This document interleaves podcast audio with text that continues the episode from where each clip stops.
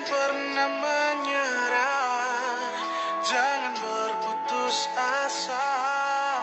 Mujizat Tuhan ada saat hati menyembah. Jangan pernah menyerah, jangan berputus asa. Mujizat Tuhan ada bagi yang setia dan percaya. Halo Shalom para pendengar Cendrawasih News apa kabarnya? Satu ayat firman Tuhan dalam kitab Amsal 9 ayat yang ke-10 Demikianlah firman Tuhan. Permulaan hikmat adalah takut akan Tuhan Dan mengenal yang maha kudus adalah pengertian. Saudara-saudaraku yang kekasih para pendengar Cendrawasih News Kata hikmat berasal dari istilah bahasa Ibrani Yaitu kokmah yang secara umum dapat diterjemahkan sebagai arti kepandaian, kecerdasan, dan kebijaksanaan. Dan hikmat itu juga berarti adalah kemampuan seseorang membedakan perkara yang baik dan jahat.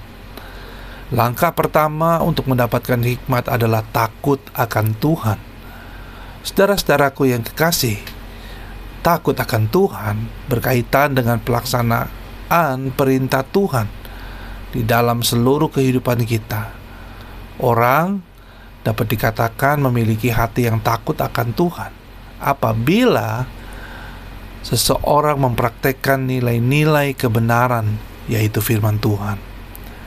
Dan bukan hanya sekedar berteori melainkan menjadi seorang pelaku firman ayat dalam kitab Yakobus 1 ayat 22 katakan, "Tetapi hendaklah kamu menjadi pelaku firman dan bukan hanya pendengar saja. Sebab jika tidak demikian kamu menipu diri sendiri." Saudara-saudaraku yang kekasih takut akan Tuhan berbeda dengan rasa takut terhadap orang jahat. Takut melihat film horor atau rasa takut yang berlebihan terhadap suatu benda, fobia, situasi atau kejadian yang ditandai dengan keinginan untuk menjauhi sesuatu yang ditakuti tersebut.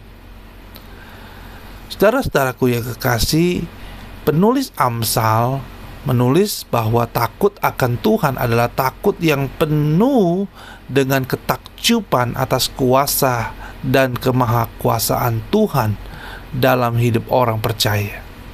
Sehingga timbul keinginan untuk taat dan tak tunduk kepadanya.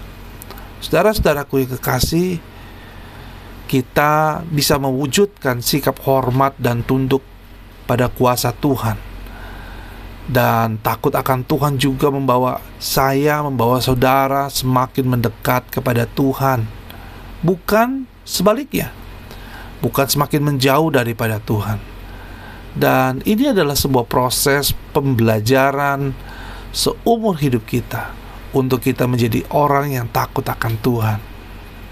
Dan dalam kitab Pengkhotbah 12 ayat 13 katakan, akhir kata dari segala yang didengar ialah takutlah akan Allah dan berpeganglah pada perintah-perintahnya. Karena ini adalah sebuah kewajiban setiap orang.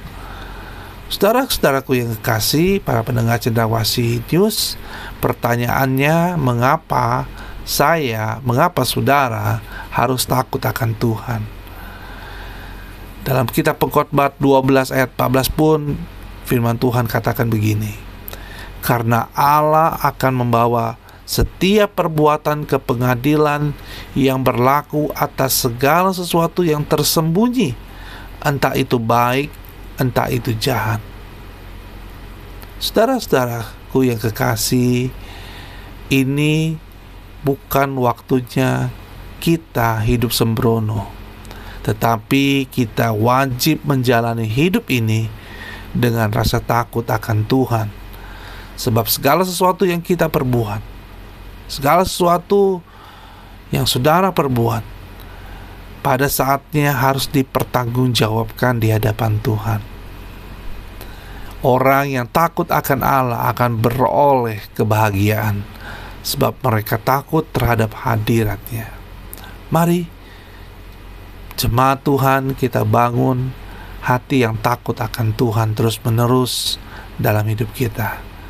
Sehingga kita beroleh kasih karunia Tuhan yang luar biasa. Puji Tuhan, selamat beraktivitas pagi hari ini dan Tuhan Yesus memberkati kita semuanya.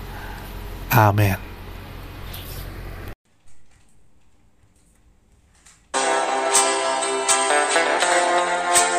Sampai jumpa esok hari. Kiranya damai sejahtera dari Allah Bapa, kecintaan dan kasih karunia Tuhan kita Yesus Kristus, persekutuan serta penghiburan Roh Kudus menyertai kita sekalian mulai hari ini sampai Maranatha Tuhan Yesus datang. Amin.